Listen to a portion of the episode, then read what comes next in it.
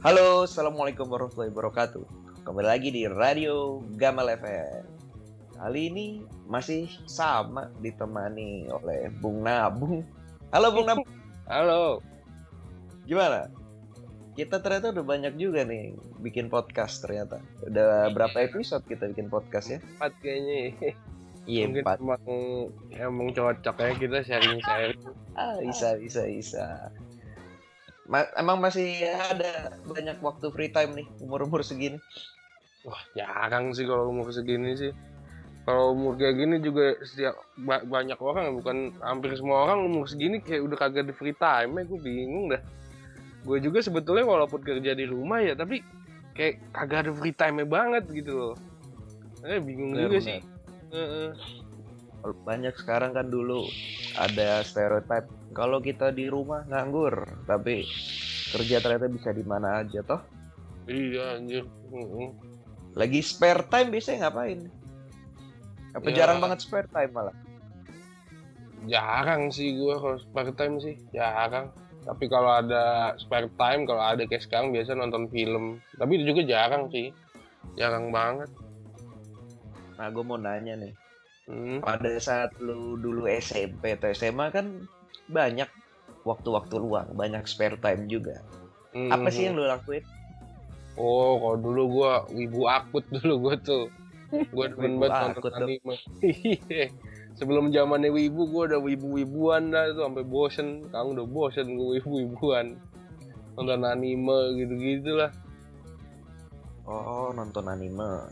Hmm. gue juga suka sih nonton anime Hmm. tapi ya nggak ya kadang banyak yang nggak segenre juga sama orang-orang cuman ya gue suka ya gue tonton iya ngomongin tentang anime nih Hmm? eh, apa sih anime yang membuat pertama kali lu kayak wah ini anime nih berbeda banget nih Hmm. there's something different about this anime gitu apa Hmm. sih anime yang menurut lu wah ini nih Iya ada sih dulu gue suka banget itu anime sebetulnya eh anime itu namanya Cowboy Bebop yang ini yang gue demen banget nih Cowboy Bebop. oh oh gue sempat nonton sempat nonton Oh, kenapa tuh nonton juga lo? Hmm, jadi. Cowboy Bebop tuh kayak ceritain tentang bounty hunter ya. Bounty hunter kayak pembunuh bukan pembunuh bayaran. Iya sih kurang lebih kayak pembunuh bayaran tapi kayak bounty hunter di zaman Wild West gitu tapi di luar angkasa gitu. Jadi genrenya kayak cyberpunk sama apa ya? Cyberpunk sama Wild West gitu. Klasik gitu kan. Tapi di, di luar angkasa intinya. Intinya kayak koboi-koboyan tapi di luar angkasa gitu. Nah, makanya namanya Cowboy Bebop gitu. Ini sebetulnya anime udah lama sih, tahun 90-an dan sempet juga diputar di Indosiar kok. Iya, sempat sempat. Gue dulu ya? nontonnya di Indo di kayaknya di Indosiar deh, karena Indosiar banyak kartun dulu. Mm-mm. Iya, gue sempat nonton juga Cowboy Bebop. Dan yang bikin gue seneng tuh bukan seneng nggak, sama kayaknya agak beda. Dia tuh kayaknya antar episode tuh gak nyambung. Bukan gak nyambung secara ini ya, bukan dari Hmm. secara cerita. Ceritanya tuh kayak sendiri-sendiri, tapi ada storyline khususnya gitu. Bener gak sih? Mm, bener bener. Jadi dia kayak ibaratnya kayak apa ya? Kayak Rick and Morty atau kayak BoJack Horseman. Nah kurang lebih kayak gitu. Jadi kayak The Simpsons lah, model-model kayak The Simpsons. Kasarannya Oke, ya, kalau kalau The Simpsons kan tiap episode beda-beda. Nah kurang lebih kayak begitu, tapi karakternya sama gitu. Terus ada main story yang diselipin. Menurut gue sih kalau ada yang nonton Rick and Morty itu mirip banget Rick and Morty sih kalau kata gue tuh. Tapi bedanya ini ada cyberpunknya gitu kan di luar angkasa.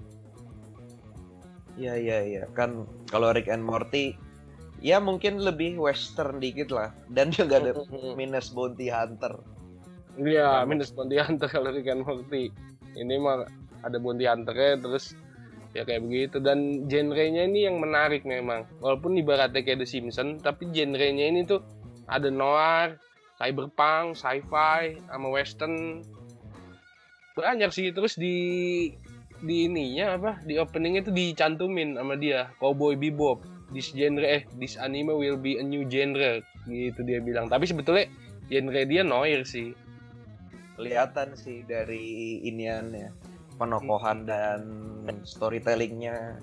Kalau cyberpunknya tuh dapat dari ya environment sama penggambaran-penggambaran backgroundnya cyberpunk Hmm. banget sih. Iya, cyberpunk banget kalau itu. Nah, yang menarik ini genre noir nih. Ini yang sebetulnya genre ini agak susah di ini ini. Nah, Cowboy Bebop termasuknya genre noir nih. Agak susah dideskripsikan genre noir ini. Menurut Malah lu bisa gimana? dibilang, hmm, malah bisa dibilang neo noir nih.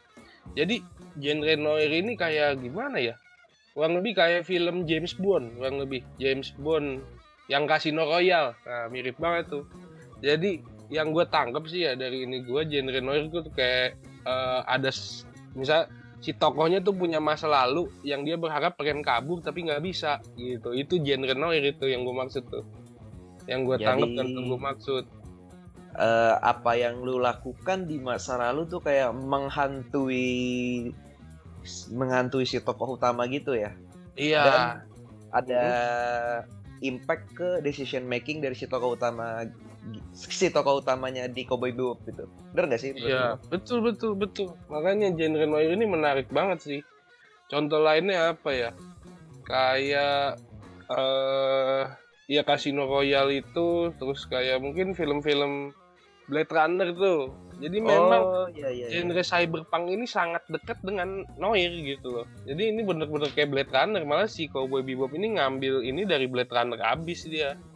Ngambil ini ya dari storytellingnya sama di environment kotanya gitu kan mobil-mobil terbang mm.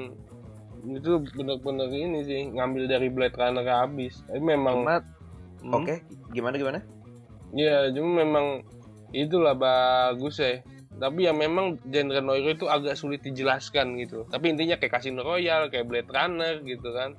Jadi si, si tokohnya tuh kayak punya masa lalu, ya yang tadi lu bilang kan punya impact ke decision making ke masa depannya. Jadi kayak dia kayak skin-skin gini loh. Skin-skin eh, ada tokoh lagi di bar, minum whisky, mikirin masa lalunya. Kan sering kan ngeliat ngeliat skin iya itu. flashback Nah, itu flashback noir. dikit. Ah, itu noir itu, noir itu. Oke oke. Dan si ininya itu tuh ngelihat pertama kali kan kan anime biasa kan lagu-lagunya bukan Oh. gue nggak suka lagu-lagu itu bisa mendawi oh na na na na na na. Nah tapi ini cuman Oh, ini sih. deng deng deng deng Iya, deng deng. Ini yang bikin Cowboy Bebop bagus nih. Jadi genrenya genre noir gitu kan. Terus eh, genre-genre genre noir yang ibaratnya genre itu tuh semua orang bisa nonton gitu loh, nggak harus yang suka anime doang. Tapi semua orang bisa bisa nonton aja gitu kan dari genrenya karena noir. Jadi memang dikhususkan untuk dewasa. Jadi topik-topik yang dibawa itu topik-topik dewasa gitu kan. Terus Benar. openingnya ini memang oh nah ini yang bikin beda. Openingnya itu namanya ada dia alirannya j- bukan nam eh, dia jazz sih openingnya. Jadi bukan hanya openingnya tapi pada saat misalkan skin lagi berantem det det det det gitu kan. Nah, di situ juga dimasukin lagunya lagu jazz. Terus skin lagi ngelihat kota lagunya lagu jazz. Kayak ini Al Altered Carbon kalau pernah nonton. Tapi kalau Altered Carbon itu dia lagunya lagu country kalau si Altered Carbon. Nah, ini lagu jazz. Jadi memang musiknya Cowboy Bebop itu ngepas banget gitu loh. Ini komposernya namanya Yoko Kanno. Itu gue bilang buset. Jadi ceritanya udah cakep terus lagu-lagunya jazz semua gitu kan. Jadi bener-bener yang dikhususkan untuk orang dewasa ngepas banget gitu menurut gua. tone-nya sih juga menurut gue cocok banget sih. Iya. dari tone warna yang nggak terlalu gelap tapi juga nggak terlalu terang. Dan musiknya itu ya mungkin ya semua semua komposer pasti mikirin ya. Cuman menurut gue kayak pasnya gitu kayak lagi kejar-kejaran musiknya emang kayak ya bikin dik dik dik dik dik. Iya, tapi, tapi jazz kayak jazz gitu kan, kayak jazz tapi jeng jeng jeng jeng jeng gitu gue. Iya pokoknya jedet jedet tapi jedet jedet jazz, tau gak lu? Yang Bener, biasa pakai trompet. Tet, tet, tet, tet, tet, tet, ya tet. ya ya ya Heeh. Jadinya kan ngepas banget sih. si si si, si ininya lah kan biasanya jazz itu kan banyak yang bilang dari hati banget dan kena ke hati ya menurut gua Mm. setiap tokoh-tokoh yang lagi ada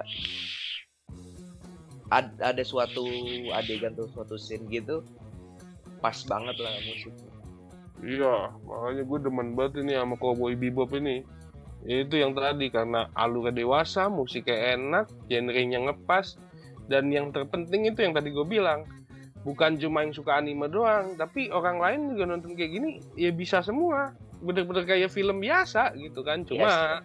ininya dalam animasi memang gitu nah biasanya orang nih kan kalau dalam suatu kita bikin cerita entah buku hmm. entah film entah apa pun itu yang karya tulis atau karya gambar karya media lah tokoh hmm. utama itu pasti yang paling utama Bener iya, sih maksudnya betul. yang bisa tokoh utama Cowboy Bebop ini kan ada tiga.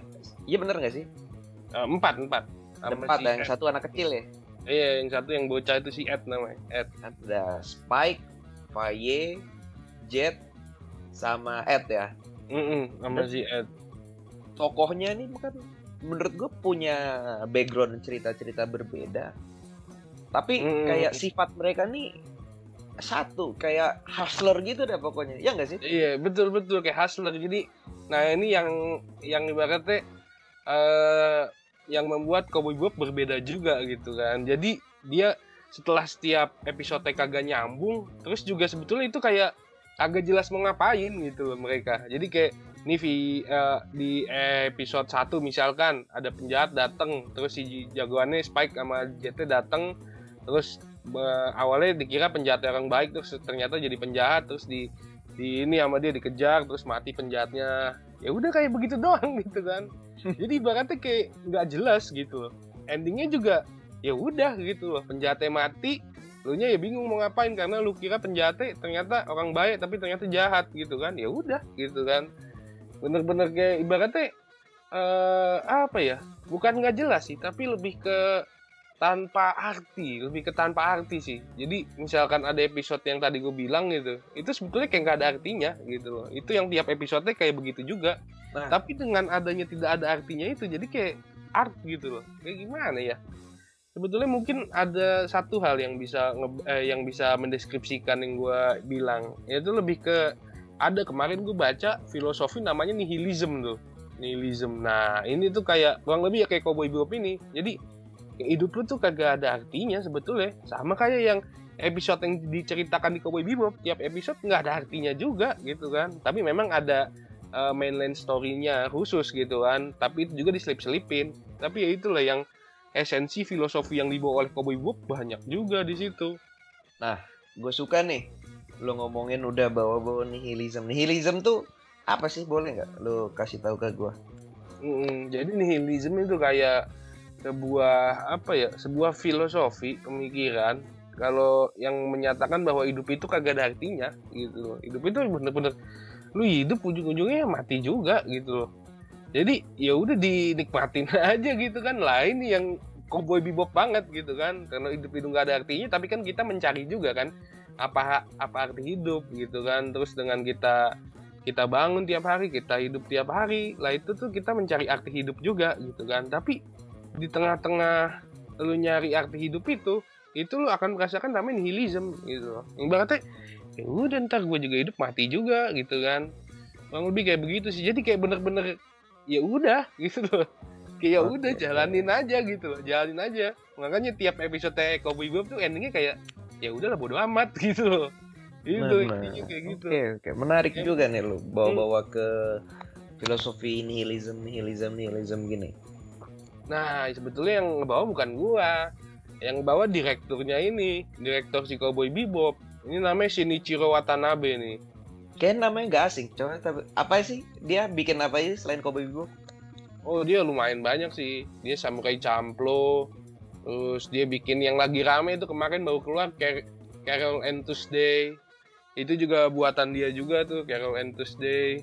Terus dia juga bikin ini uh, Blade Runner uh, pas kemarin tahun lalu keluar Blade, Blade Runner 2049 kan ada episode animenya tuh jadi ada kayak original videonya okay. kayak video di luar itu nah itu yang bikin dia juga tuh memang dia uh, di setiap karyanya tuh dia ngebawa kesan filosofis memang dia tuh dan emang kayaknya itu juga sih menurut gua dia uh, kayak ini banget gitu sama Blade Runner ya nggak sih? Dia ini hmm. kayaknya ininya Blade Runner banget sebutannya fansnya dan dibawa ke apa sih sebutannya itu kayak persembahan jadi kayak dibawa potongan-potongan rada mirip sama Blade Runner dibawa ke karyanya dia nggak sih menurut gue sih gitu Iya betul betul. Dan ternyata bukan cuma Blade Runner juga. The Matrix versi animasinya dia juga yang bikin. Gila juga gue bilang. The Matrix. Mat- eh, Wah berarti emang dia ini banget nih berarti ya no noir dan cyberpunk banget. Berarti dia si Shinichiro Iya, Watanabe. emang dia genrenya noir cyberpunk, tapi dia sebetulnya cyberpunknya nggak begitu, dia lebih ke noirnya itu.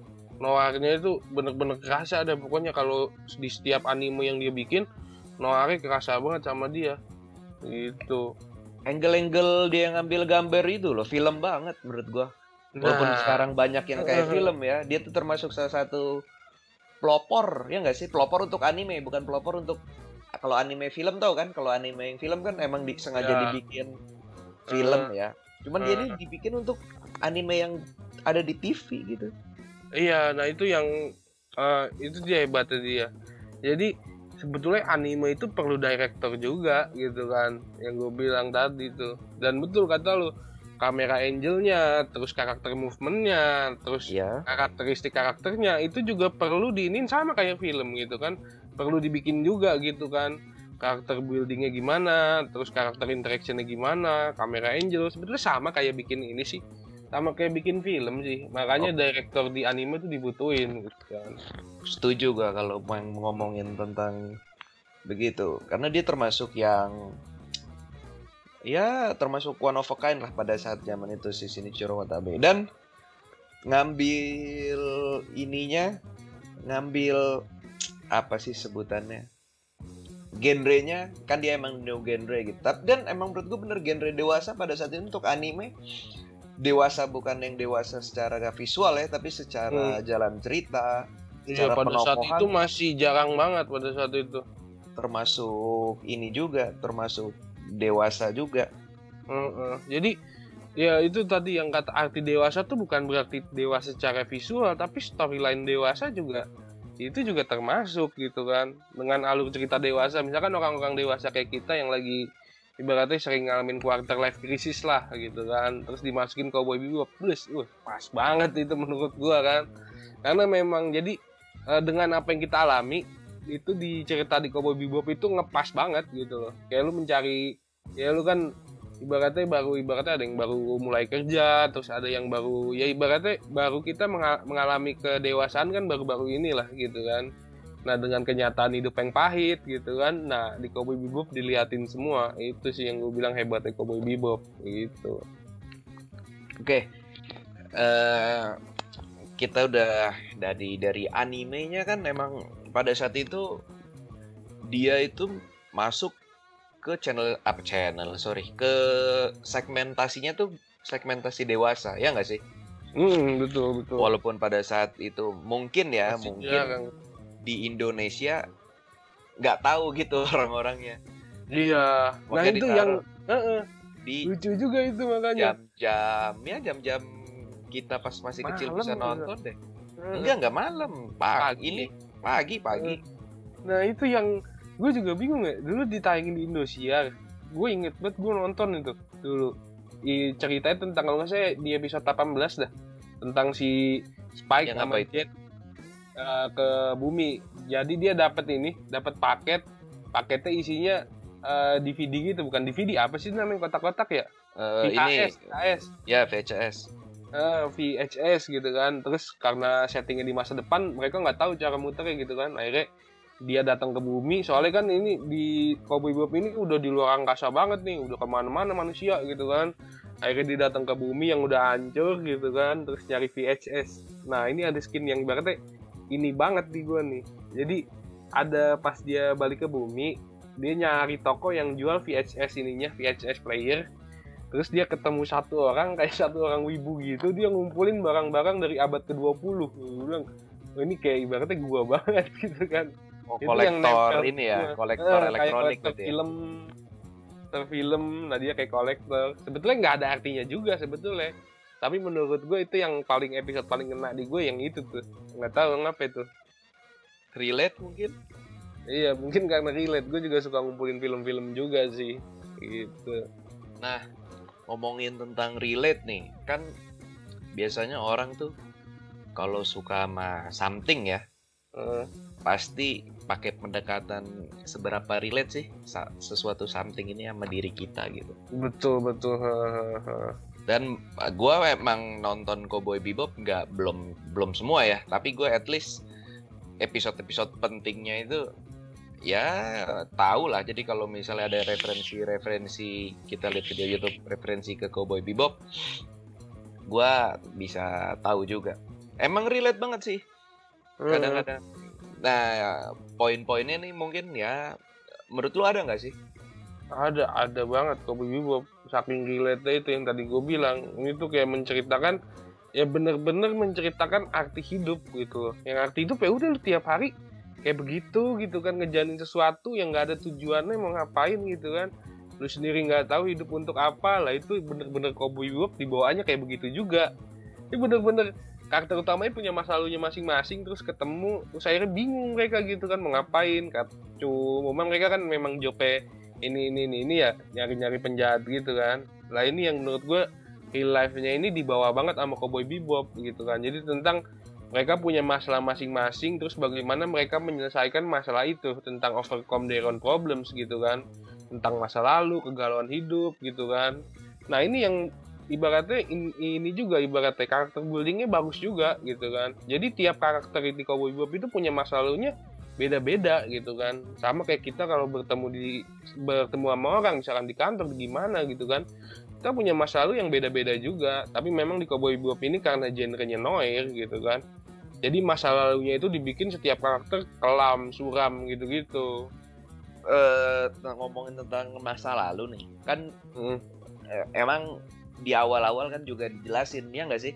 Kayak si Spike, Jet. Yang gue ingat sih Jet sih. Karena Hmm. gue seneng banget kalau udah cinta-cintaan tuh gue seneng Hmm. banget ngikutin. Yang Jet yang dia dia lagi balik ke ya mungkin tempat dia dulu masa mudanya. Kan saya tahu tuh eh, tahu gue namanya planet Ganymede kalau nggak salah. Ganymede ya. Ganymede Ju- planetnya Jupiter nggak sih setahu gue? Iya iya, Heeh, planetnya Jupiter. Bulan, sorry bulannya Jupiter kok planetnya Jupiter. Jupiter apa Saturnus ya? Lupa ya, antara itu yang bagi Antara itu lah pokoknya. Heeh. Itu gue juga suka tuh. kan dia cinta-cintaan tuh balik-balik ketemu ya mantannya kali ya Itu mantan istrinya bego. tadi istrinya ya mantan dong bener mantannya Mantan. dia ketemu mantannya dan ternyata mantannya punya udah punya pacar atau suami dan suaminya itu yang mereka cari-cari Iya itu itu. Nah itu itu dalam juga sih eh, episode itu gue juga demen tuh. Jadi si JT ini keinget masa lalunya, terus dia dia itu kayak ibaratnya dia punya cita-cita tuh pengen balik ke masa lalunya pas dia tinggal sama istrinya gitu kan. Dengan tiap harinya everyday life kayak begini gitu kan. Tapi ternyata istrinya itu sama dia ngerasa terkekang, tapi dianya sebetulnya pengen istrinya kayak begitu. Akhirnya itu yang menyebabkan mereka cerai gitu kan, pisah. heeh. Gara-gara si istri yang ngerasa kekang terus si si jetnya itu kayak ibaratnya maunya kayak gitu-gitu terus gitu. Nah, akhirnya yang menyebabkan konflik gitu kan. Itu dijelasin terakhir-terakhir kayak gitu kan. Akhirnya pisah juga kan akhir-akhirnya. Mereka punya masa lalunya sendiri. Si istrinya jet punya masa lalu sendiri. Si jetnya juga eh, ya udah gitu loh. Nah ini yang gue bilang nihilism tuh ini gitu kan. Ini yang menurut gue apa ibaratnya ya. Ya udah gitu kan. Kalau lu punya masalah gitu kan lu punya masalah gitu kan. Apalagi sekarang kita lagi pada quarter life crisis kan gitu kan lagi pada quarter life crisis gitu. Jadi sebetulnya nyelesain masalah lu tuh gampang gitu kan. Ya udah lu jalanin aja gitu yang berlalu udahlah berlalu gitu kan ya kita tinggal ngeliat aja ke depan gitu kan ya tinggal jalanin aja. Nah nihilism tuh itu. Kayak ibaratnya lu nggak ada artinya gitu loh. Ya udah masalah lu ya udah gitu kan. Berarti nihilism berarti kayak begitu tuh. Nah Menurut- apalagi Hmm? sorry. Me- menurut gue berarti kalau di film ini dia emang ya tan mungkin bisa ta- bisa bilang tanda kutip nihilism gak sih? Kan mereka itu masih ya kadang suka keinget masa lalunya gitu Iya, memang genrenya film ini tuh anime ini memang nihilism abis. Kayak Rick and Morty deh gue bilang. Ini bener-bener kayak kagak ada artinya. Hidup-hidup, mati-mati ya udah gitu kan. Dan di tiap episode pun dijelasin gitu kan. Ya udah bodo amat gitu kan.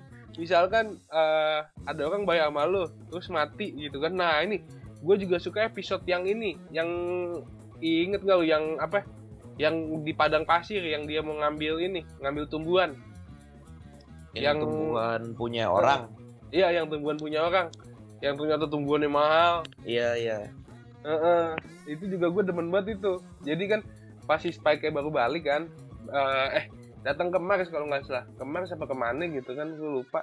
Pakai datang ke Mars terus ada orang nyamperin nih. Terus ngasih barang ke dia kan ngasih barang ke dia. Ngasih barang ke dia habis itu udah tuh terus tiba-tiba si Spike ketemu orang itu lagi tuh. Orangnya minta barangnya dibalikin tapi si Spike nggak mau karena udah tahu barangnya mahal gitu kan. Akhirnya ya di, dari situ terjadi karakter building lah karakter building terjadi gitu kan. Si Spike akhirnya deket eh, deket sama orangnya karena orangnya ternyata eh, tumbuhannya dicuri gitu kan. Tumbuhannya dicuri terus di- dikejar-kejar sama mafia gitu kan. Dikejar sama mafia. Dan akhirnya orangnya mati gitu loh. Tapi di episode itu diceritain banget orangnya tuh kayak respect banget ke Spike terus orangnya punya adik nah terus adiknya buta, kan? nungguin- yang yang adiknya buta terus nungguin kakaknya gini-gini terus si Spike pengen ngebantu banget gitu kan. Tapi akhirnya dia mati gitu loh. Dan ya udah. Berarti menurut gua dia nggak nihilism nihilism banget dong. Maksudnya emang dia awal penganut nihilism gitu, tapi kadang-kadang ya di penokohan ini menunjukkan ya mereka ini ternyata ya punya sisi manusiawi yang dia udah mencoba tolak kan kayak di episode yang ini. Dia udah "Ah, apaan sih ini orang ganggu? Ngapain Ya, sih deket-deket gue tapi ternyata dengan kegigihannya dia dia itu runtuh.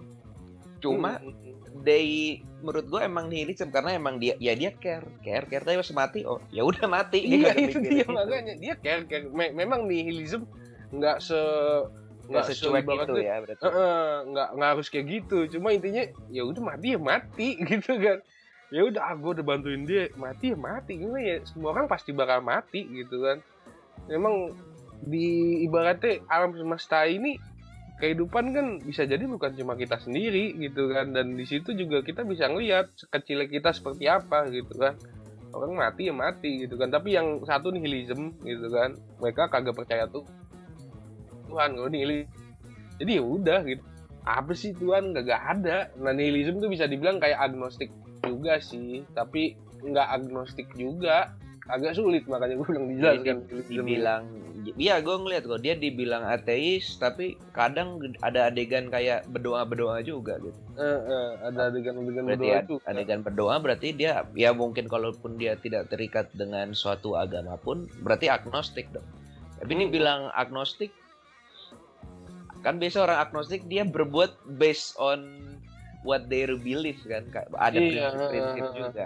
mereka ya nggak ada prinsipnya saya baik iya baik nihilism kayak nggak ada prinsip malah nihilism tuh kagak percaya baik sama jahat. Nihilism ya ya udah baik dan jahat tuh cuma persepsi kita doang gitu kan. Contoh kayak ibaratnya di film Narcos deh di film Narcos tuh. Itu kelihatan banget tuh.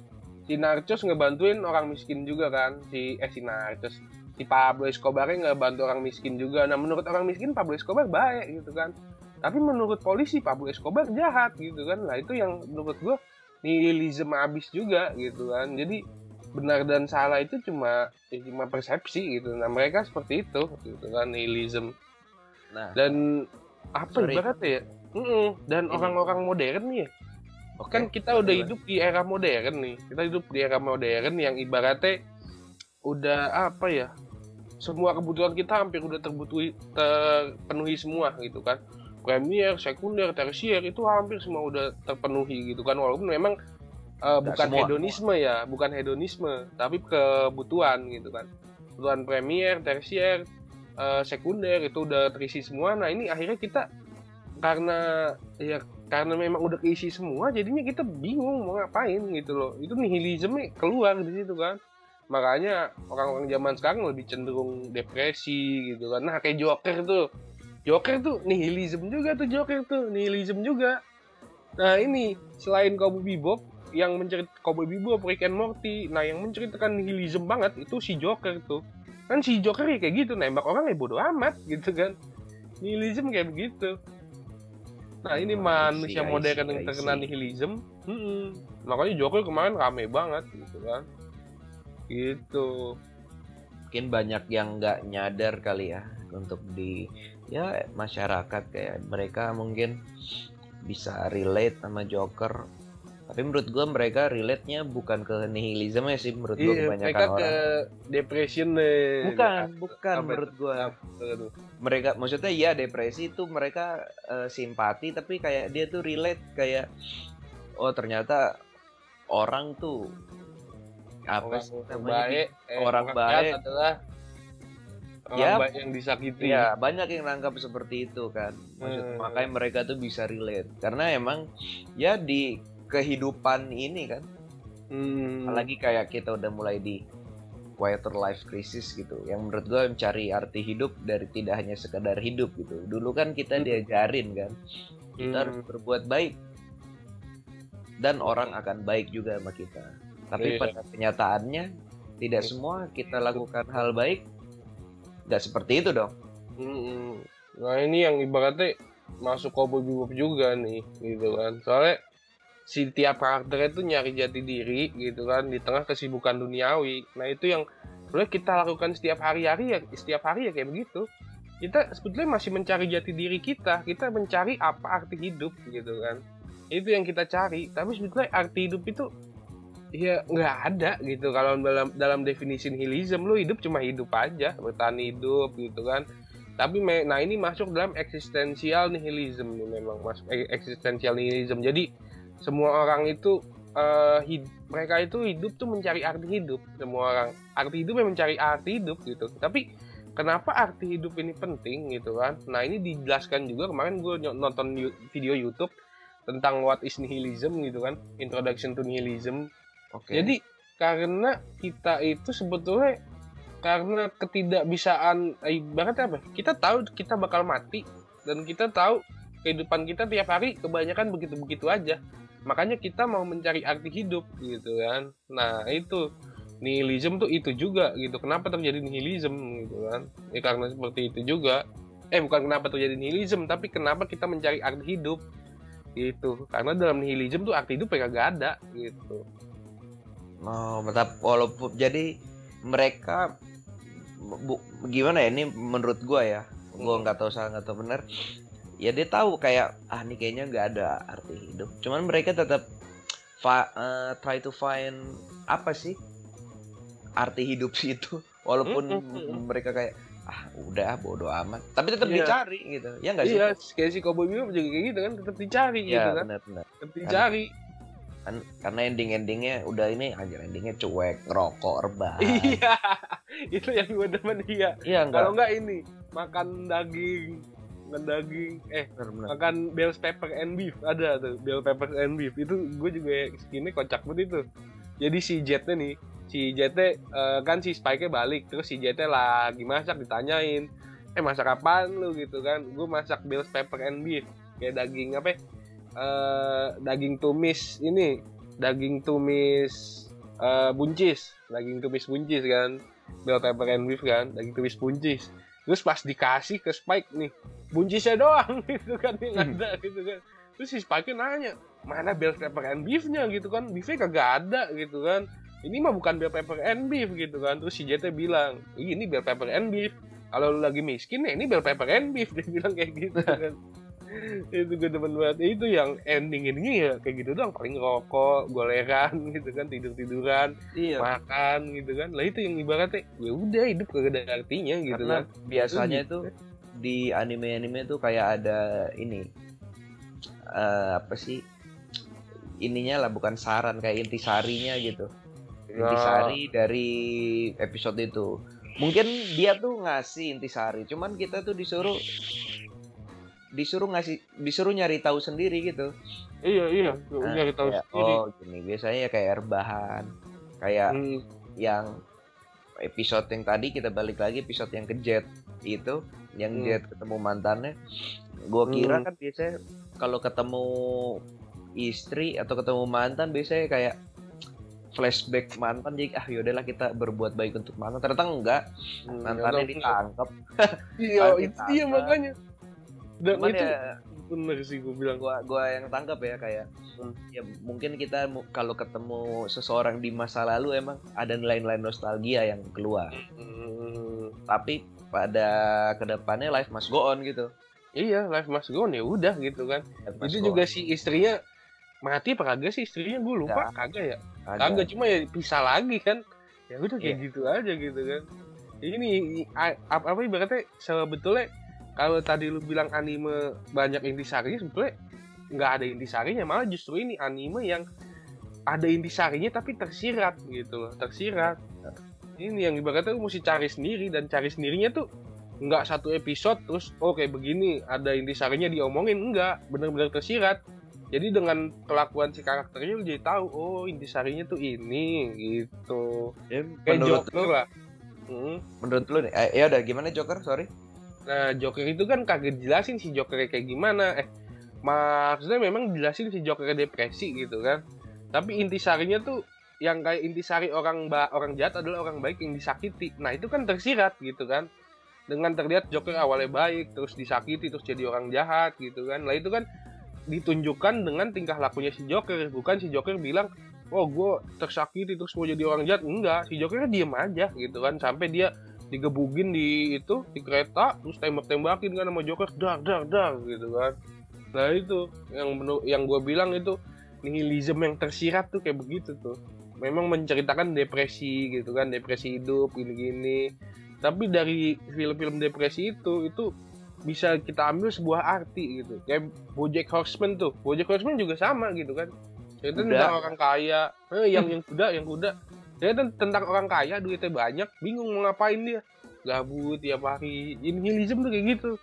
Ketika udah mencapai tujuan itu tuh yang lu ada tuh hampa gitu kan. Itu nihilism tuh kayak begitu gitu kan. Kalau memang hidup naik turun naik turun gitu kan. Tapi ya kayak begitulah. Itu makanya Cowboy Bebop ini banget. Terus yang gue suka ini nih di ininya di tiap endingnya. Di tiap endingnya misalkan udah selesai animenya terus ada tulisan tuh yang paling pojok kanan bawah see you space cowboy. Tapi yang paling sering you're gonna carry that weight. Uh itu dalam banget menurut gue nah menurut lu kan akhir. Biasanya akhir pasti kita nyari solusi. Menurut lu solusi yang dapat dari Cowboy Bebop tuh apa sih? Ya udah hidup tuh ya lah life must go on gitu kan. Mau masa lalu apa masa lalu masa lalu kayak gimana? Ya jalanin aja Robbie Williams tuh kayak gitu. Nah ini yang you're gonna carry that nih dalam banget gitu kan. Jadi setiap orang tuh pasti akan mengalami nihilism ini di hidupnya masing-masing gitu kan. Jadi itulah beban-beban depresi beban-beban kehidupan terus tuntutan-tuntutan dari masyarakat eh dari so sosial gitu kan tuntutan-tuntutan sosial itu yang nantinya akan lo hadapi sendiri. Nah makna you're gonna carry that weight ini dalam banget yang tadi gue bilang itu kan. Jadi lu bakal mengalami semua yang hal yang diceritain di Cowboy Bebop tapi bukan tembak-tembakan ya tapi beban-beban di tiap ininya di tiap esensi bebannya kali ya. Uh -uh, itu tuh lu bakal itu itunya gitu kan. Tapi ya itu nihilism tuh intinya ya itu. Hidup nggak ada artinya sama kayak Cowboy Bebop. Ya udah kagak ada artinya. Orang mati ya mati gitu kan. Itu yang gue demen tuh. Nah setuju sih gue mm-hmm. ya life go on life must go on menerima diri sendiri akses akseptansi lah berdamai dengan diri sendiri. Iya berdamai ya. dengan diri sendiri sih jadi ya intinya kita harus ya tiap solusinya itu kita damai diri sendiri. Ya udah life must go on juga. Kita terima kondisi kita kayak begini masa lalu kita kayak begini ya udah. Bodoh amat gitu kan. Itu intinya tuh nihilism tuh adalah bodoh amat. Itu nggak usah ribet-ribet ya kita dari tadi bicarain definisi nihilism tapi memang dalam sih nihilism tapi kalau ibaratnya uh, versi ininya versi apa ya, simpelnya tuh nihilism bodoh amat gitu kan. Nah kan Cowboy Bebop nih udah hampir 20 tahun lalu ya. Dan uh, ini ini yang paling gue uh, bukan takut sih kayak apa ya agak sanksi agak ragu. Hmm. uh, adalah remake live action oleh Netflix oh iya itu dia tuh makanya tuh Nah, kami itu. Kemarin itu sen saya kan tahu terkenalnya kayak apa dulu. Iya, sen saya di dulu remake kan. sama Netflix. Amburadul ceritanya kagak jelas. Oh, nonton. Nonton. Gue kurang suka Sensei ya sih. Kan Andore- menurut lu gimana tuh? Andromeda Sun itu cewek cowok emang rada melenje agak agak ngondek dibikin sama Netflix jadi cewek padahal Sana. jalan ceritanya emang dia tuh agak-agak banci itu Hmm. salah satu poin ceritanya dibikin jadi cewek dan ganti ya. adegannya jadi wah aneh dah Maka- nah makanya nih gua agak apakah Netflix ini nah bisa gitu ya apakah apakah Netflix bisa carry that way gitu untuk membuat Red. membuat ya itu masalahnya sesuatu yang bagus tuh kalau di Iya. remake susah Iya sih. bro Heeh, kayak Ghost in the Shell. Ghost in the Shell juga bagus juga tuh Ghost in the Shell tuh. Tapi Ghost in the Shell pas di remake yang versi Hollywood teh ya sebenarnya nggak jelek sih tapi oke aja gitu kan. Nah, ada Ini yang ya. kecewa ya gue agak kecewa karena gini. Jadi Ghost in the Shell itu sebetulnya sama kayak Cowboy Bebop filosofi-filosofi yang dibawa tuh dalam banget dan banyak gitu kan. Tapi eh ketika dibuat oleh film Hollywood, mereka cuma ngambil actionnya, filosofinya dibuang. Padahal yang bikin anime itu bagus, yang bikin ceritanya bagus itu entah Cowboy Bebop atau Ghost in the Shell itu makna-makna yang makna-makna kehidupan yang di dalam cerita itu gitu kan. Justru itu nggak dibawa, yang diambil actionnya doang gitu kan. Padahal ya gimana ya kalau ngambil actionnya doang juga ya nontonnya Star Wars. Star Wars kan ribut doang kagak ada makna hidup ya kan. bener tuh Lebih kayak gitu. Nah, itu sih gue takut juga sih. Soalnya Netflix emang kebiasaan kayak bukan Netflix ya, tapi orang barat tuh kalau ngambil ngambil anime Jepang terus diambil sama dia biasanya ngambil actionnya doang. Enggak, Netflix emang anjing. Mm Padahal Death Note di remake aneh. Death Note juga kacau tuh anjing. Kacau juga itu Death Note. Agak jelas juga Death Note. Gue nonton yang Full Metal Alchemist juga, wah aneh banget itu gue bilang. Full Metal Alchemist juga itu aslinya bagus itu loh, Mak. Full Metal Tahu Alchemist. gua yang adeknya jadi robot. Robot Heeh. bukan sih itu jatuhnya. Iya, yang yang jadi robot itu juga filosofi hidupnya banyak juga di situ. Tapi lebih ke filosofi tentang apa? ya? Tuhan kayaknya kalau di situ. Pas di remake gimana? Ketuhanan. Pas di remake, di- bukan di remake tapi dibikin live actionnya dicacat anjing. Kayak Iya, iya. ya ampun, gue juga Tapi kering banget sih. kalau dilihat top apa sih eh, aktor yang main di Netflix? Di apa sih? Space Cow Space Cowboy apa? Boy di Bebop. Cowboy Bebop. Kayaknya sih ya Nah, ini sih. ada inilah. Eh, ya secerca ada- harapan gitu. Anjingnya Eh, mirip banget soalnya. Tapi gua ini kurang si spike-nya yang gua kurang pas spike-nya jadi kan di film itu di, sebetulnya nah memang ini ada biasanya lu tahu whitewashing kan? Whitewashing? Ya whitewashing tahu. Eh, eh. nah Cowboy Bebop ini sebetulnya si Spike Spiegel itu bukan orang Asia anjir gitu loh si Spike yang yang Spiegel. yang jadi Spike siapa sih? Namanya gue cek dulu. Itu jadi orang Asia. Agak cocok deh kalau kataku mana ya? Jadi dia tuh emang orang Black American kan menurut gue bukan Spike itu masih Spike- Jet. Oh sorry Spike Spiegel itu yang main ini Eh, Harold Kumar Harold Kumar ya Harold Kumar siapa sih nah, nama itunya gue lupa deh Eh, itu aduh yang, ma- yang main kemarin ini si itu Jonco, Jonco. Jonco.